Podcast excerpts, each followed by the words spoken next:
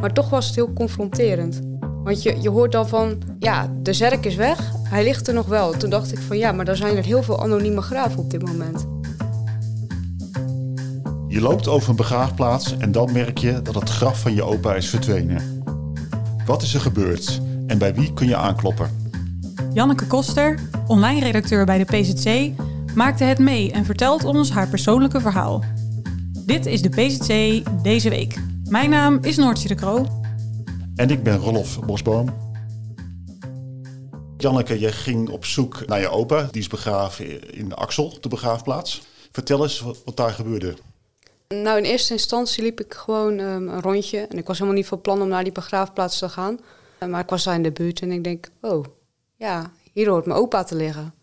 Ja, op onlinebegraafplaats.nl opgezocht uh, waar die dan ongeveer zou liggen. En daar een rondje gelopen. En dan zie je wel gewoon graven waar er al heel veel bordjes bij staan van... we zoeken de belanghebbende en wilt u zich melden bij de gemeente? Ja, ik denk, ja, dat gaat niet over het graf van mijn opa. Dus laat ik maar gewoon een rondje lopen.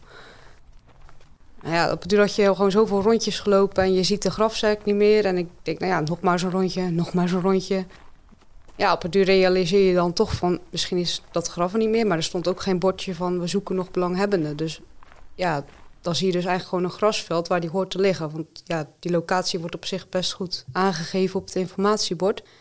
Dus ja, ik denk, nou ja, ik kan nog, nog honderden rondjes lopen, maar daar zit je niks mee op laat ik eerst maar eens de gemeente eh, een mailtje sturen van hoe dat nou zit. En of ik nou voor niks die rondjes aan het lopen ben. Of dat graf er überhaupt nog is. Of mijn opa daar überhaupt nog ligt. Of dat ik gewoon op een heel verkeerde locatie aan het zoeken ben. Want dat, ja, dat had natuurlijk ook gekund. Ja, dat was eigenlijk gewoon... Ehm, de reden ook gewoon dat ik een rondje liep was ook wel dat, dat je gewoon zoiets hebt van... Je wil gewoon kijken hoe zo'n graf erbij ligt. Je wil toch graag dat iemand uh, dat dat graf wel verzorgd eruit ziet. Niet dat er allemaal onkruid overheen boekert. Dat het er totaal onverzorgd uitziet.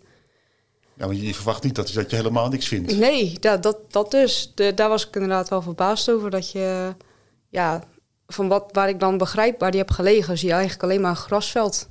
En wat denk je dan op zo'n moment? Ja, ik, nou, op dat moment dacht ik vooral van, klopt dit? Of zit ik gewoon op de verkeerde locatie? Omdat ik natuurlijk zo lang niet was geweest. Ik was daar, uh, ik denk, 22, 23 jaar niet geweest. En toen was ik echt nog een klein meisje, dus de laatste keer dat ik daar was. Dus dan is het in je herinnering is dat ook al heel anders dan dat je daar nu rondloopt. Dus ik was eigenlijk vooral verward dat ik denk van... loop ik nou verkeerd? Klopt, heb ik het nou verkeerd opgezocht? Of zijn er twee Abraham deze? Of uh, dat, dat vooral eigenlijk, denk ik. En ja, 22 jaar is een lange periode. Is, is er een bepaalde reden waarom je er niet zo lang geweest bent? Nou ja, op een gegeven moment is gewoon mijn oma overleden. Dat is in 2008 geweest. En uh, ja, was, wellicht is mijn moeder daar toen nog wel langs gegaan bij dat graf van mijn opa. Maar ja, omdat wij toen nog best wel klein waren... En het de eerste keer niet zo geslaagd was om met kleine kinderen op een begraafplaats uh, rond te lopen, denk ik dat wij daar niet bij zijn geweest. Ik woon dan nu uh, officieel in Borselen. Dan moet je de tunnel door om naar een begraafplaats in Axel te gaan. Dus ja, de enigste keren dat je daar naartoe zou gaan, is als je in de buurt bent.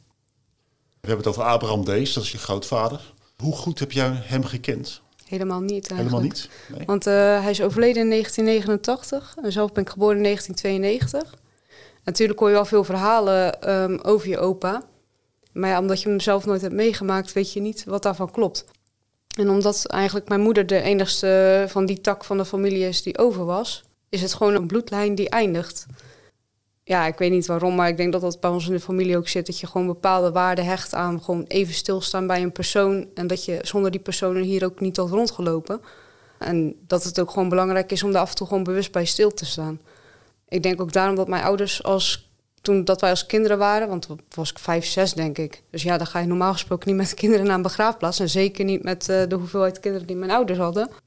Maar die wilden wel gewoon een stukje bewustzijn meegeven van... hier ligt wel iemand, dat is wel de vader van je moeder.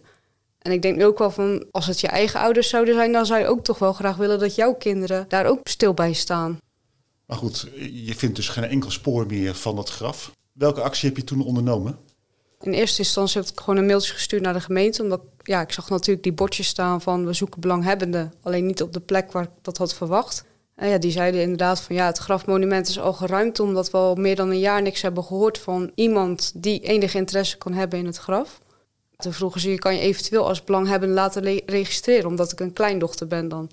Maar ja, omdat mijn moeder en mijn oma allebei niet meer leven. En die de einig, eigenlijk de enige belanghebbenden waren dan is het voor de gemeente ook een doodspoor. Want wat ik letterlijk te horen kreeg van we hadden geen enkele registratie van levende belanghebbenden. En een belanghebbende is dan gewoon eigenlijk iemand die bloedgerelateerd is, of in ieder geval op de een of andere manier een DNA-connectie, of hoe je het wil noemen, heeft met die, met die persoon. Je hebt het over ruimen. Wat houdt ruimen in dit geval dan concreet in? Nou ja, dat vond ik dus ook lastig. Want ik dacht echt toen ik dat hoorde van, oh, hij ligt daar niet meer. Maar hij ligt daar nog wel. Alleen hebben ze zijn grafzerk dan verwijderd. Dat laten ze dan een bepaalde uh, periode duren eigenlijk totdat dat bepaalde grafvak leeg is. Dat er helemaal geen grafmonumenten meer staan. In dit geval dus de, ja, eigenlijk gewoon het monument waar je naar kijkt als je bij een graf staat. En als dat hele veld leeg is, dan gaan ze eigenlijk over op het ruimen van de stoffelijke resten. Het moet toch ook wel een heel raar moment zijn geweest dat je dat toen hoorde? Ja, dat was. Nou, ik, ik, moet eerlijk zeggen, omdat ik hem persoonlijk niet had gekend, maar toch was het heel confronterend. Want je, je hoort dan van, ja, de zerk is weg, hij ligt er nog wel. Toen dacht ik van, ja, maar er zijn er heel veel anonieme graven op dit moment. Dus ik dacht van, ja, voor hetzelfde gaat sta je hier bij je opa of sta je daar bij je opa.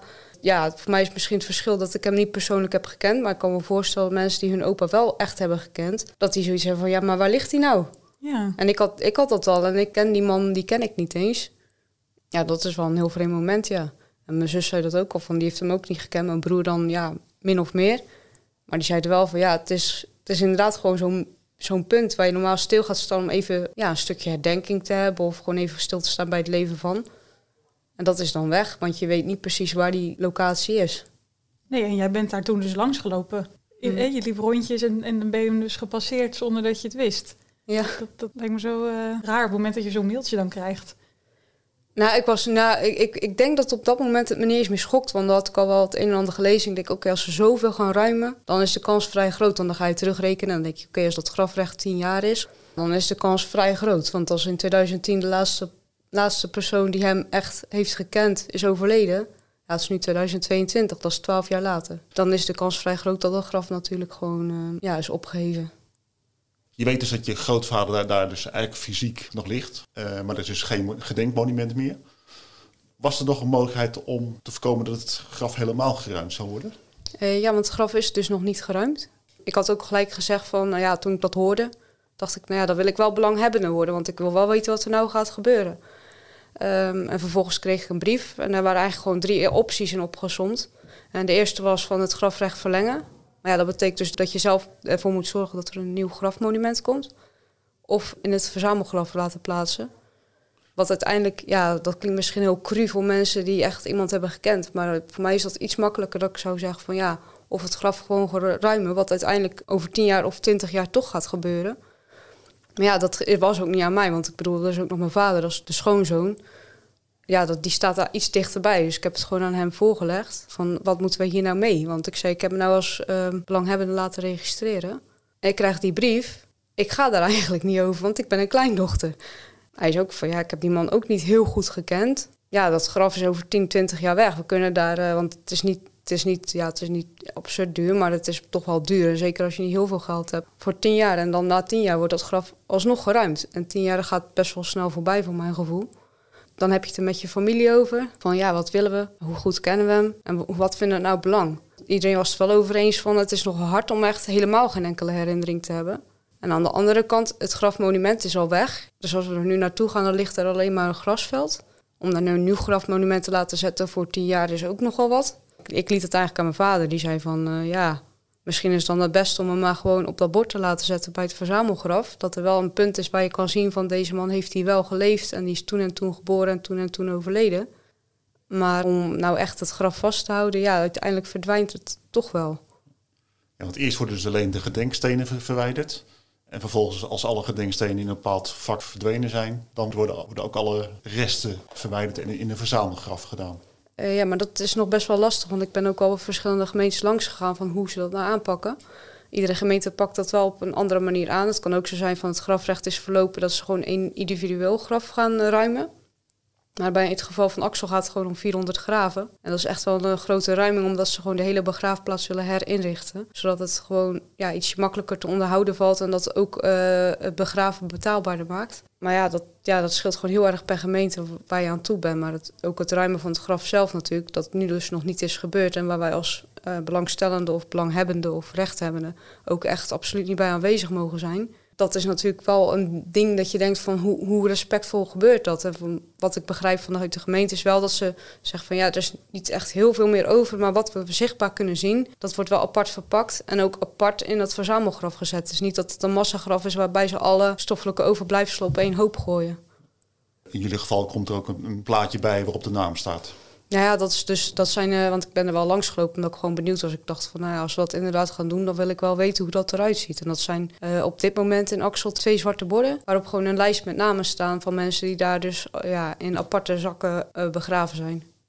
Nou, de kern van het hele probleem of van, van het verhaal is dus dat een gemeente wel de nabestaanden moet kunnen bereiken als ze een graf willen ruimen. En zijn er grote verschillen per gemeente? Uh, de verschillen per gemeente zullen er vast nog wel zijn. Maar ik geloof wel dat iedere gemeente probeert te moderniseren. En dat houdt vooral in dat uh, in het verleden moest je echt wel als rechthebbende, dus als je een graf had gekocht, dat je dan zelf moest doorgeven van hé, hey, maar degene die dat graf heeft gekocht en die daar begraven ligt, dus degene die daar recht over heeft, die is overleden. En dan moest je zelf ervoor zorgen dat die informatie bij de gemeente terecht kwam. En op dit moment is het zo van als je je BSN-nummer doorgeeft als rechthebbende, dus als jij het graf hebt gekocht en bijvoorbeeld je vrouw of je kind wordt daar begraven en jij overlijdt zelf, dan neemt de gemeente actief contact op met nabestaanden. Dus stel bijvoorbeeld, want dat zei ik ook tegen mijn vader, want die wist dat ook niet. Eh, stel nou dat hij overlijdt. Hij heeft het grafrecht over het graf van mijn moeder. Dat weet de gemeente nou niet wie per se de nabestaanden zijn. Maar als hij zijn BSN-nummer laat registreren, dan ziet de gemeente een pop-up van... hé, hey, deze man is overleden die heeft grafrecht over het graf van mijn moeder. Dus dan gaan ze misschien mij of mijn zussen of mijn broer contacteren. En dan heb je toch al die informatie, zeg maar, directer. In plaats van dat je daar zelf achteraan moet gaan. Ben je er achteraf blij dat je deze stap hebt genomen? Naar aanleiding van je wandeling op die begraafplaatsen en vervolgens dat telefoontje naar de gemeente? Nou, het voor mij, ik, ik vond het wel heel leerzaam eigenlijk vooral. Ja, natuurlijk, ook omdat ik best wel veel over mijn opa daardoor te weten ben gekomen. Omdat, ja, normaal gesproken hadden we het nooit over hem. En ja, dan denk je toch van, van wie was dat? Dus ja, dan ga je daar naar mijn stiefzus, zeg maar, van mijn uh, moeder. Ja, daar ben ik wel mee in gesprek gegaan. Heb ik gesprekken mee gehad die ik normaal gesproken niet zou hebben. En met mijn vader, dat hij bijvoorbeeld dat soort dingen zei van, ja, maar... Uh, het grafrecht van je moeder gaan we sowieso nooit laten verlopen. Dat ik denk van ja, daar hebben we het eigenlijk nooit over. Maar ook, uh, ja, vooral voor mijn opa ook wel. Dat ik denk van, ja, ook al heb ik hem nooit gekend. Het is voor mij gewoon zo best wel leerzaam geweest van... oké, als ik maar gewoon überhaupt, als er iemand overlijdt... en ik heb een graf gekocht voor iemand... dat ik gewoon mijn BSN-nummer registreer... dat dat blijkbaar de gemeente ook gewoon heel veel helpt. En ook gewoon jou als belanghebbende of gerechthebbende gewoon heel veel helpt. Dat vond ik wel heel leerzaam. Is het ook een soort oproep van jou aan andere mensen om daar zo goed over na te denken? Over ja, dat, vind, dat vind ik wel. Want ik had het echt vlak voordat ik hier naartoe kwam nog over met mijn vader. Dus ik snap er helemaal niks van. Ik zeg, nou dan moet je gewoon de gemeentes bellen. Ik zeg, zorg maar gewoon dat je BSN-nummer geregistreerd staat. Ja, wat moet ik dan zeggen? Mijn BSN-nummer. Het is mijn BSN-nummer. Ik zeg, nee, je moet zeggen dat je rechthebbende bent van dat graf. En dat je wil dat je BSN-nummer daaraan gekoppeld wordt. Want ik, ja, ik heb precies van als hij overlijdt, dan weet ik niet wie ik moet hebben. En ik denk dat heel veel mensen dat hebben, dat ze niet weten van misschien dat het graf, een graf verloren kan gaan. En ja, soms zou dat misschien ook niet per se kwaad kunnen als een graf geruimd wordt. Want ja, het is ook gewoon ruimtegebrek natuurlijk. En uh, ja, het is inderdaad niet goedkoop iemand begraven, maar het is wel gewoon een stukje ja, bewustzijn, denk ik. Je opa heeft niet echt meer een grafmonument. Je hebt nu wel een mooi verhaal geschreven over zijn graf en ook over hem. Is het artikel voor jou ook een soort monumentje voor hem? Ja, dat denk ik wel. Want ik heb ook al aangegeven tegen, omdat je nu zoveel gesprekken ook naar aanleiding hebt van het uh, verwijderen van het graf. En ook bijvoorbeeld met mijn uh, tante dan. Dat ik zoiets heb van voor mijn eigen familiegeschiedenis. En niet als een boek, maar gewoon wel gewoon voor je persoonlijke, gewoon de historische lijn van je familie. Dat je dat wel eventjes wil opschrijven nog van wie dat was en hoe hij werd omschreven, zeg maar. En dat je dat wel ergens wil vastleggen voor latere generaties wel mooi ook jouw uh, betrokkenheid. Ja, maar ja, omdat het natuurlijk ook, voor, tenminste voor mij, ik bedoel, ik heb alleen maar mijn moeder van die kant en mijn halftante en mijn opa en mijn oma, maar die leven allebei niet meer. Dus eigenlijk is hij een beetje zoiets van een van de weinigen die je nog zou hebben, zeg ja. maar. Ja. Dit was de PZC deze week. Lees het verhaal van Janneke in de krant van 30 april via pzc.nl of via de link hieronder. Wij zijn er volgende week weer met een nieuwe aflevering. Tot dan!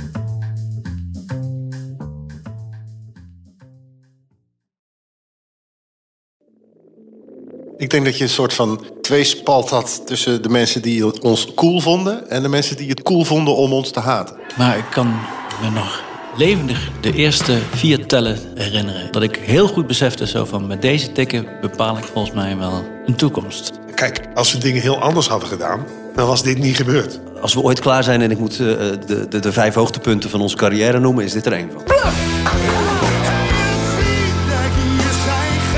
30 jaar bluff. De verhalen die je nog niet kent. Aan de hand van 10 songs. Dit is de podcast 30 jaar bluff. Waaraan we verdwijnen. Met Peter, Bas, Norman en Pascal. Nu in elke podcast-app.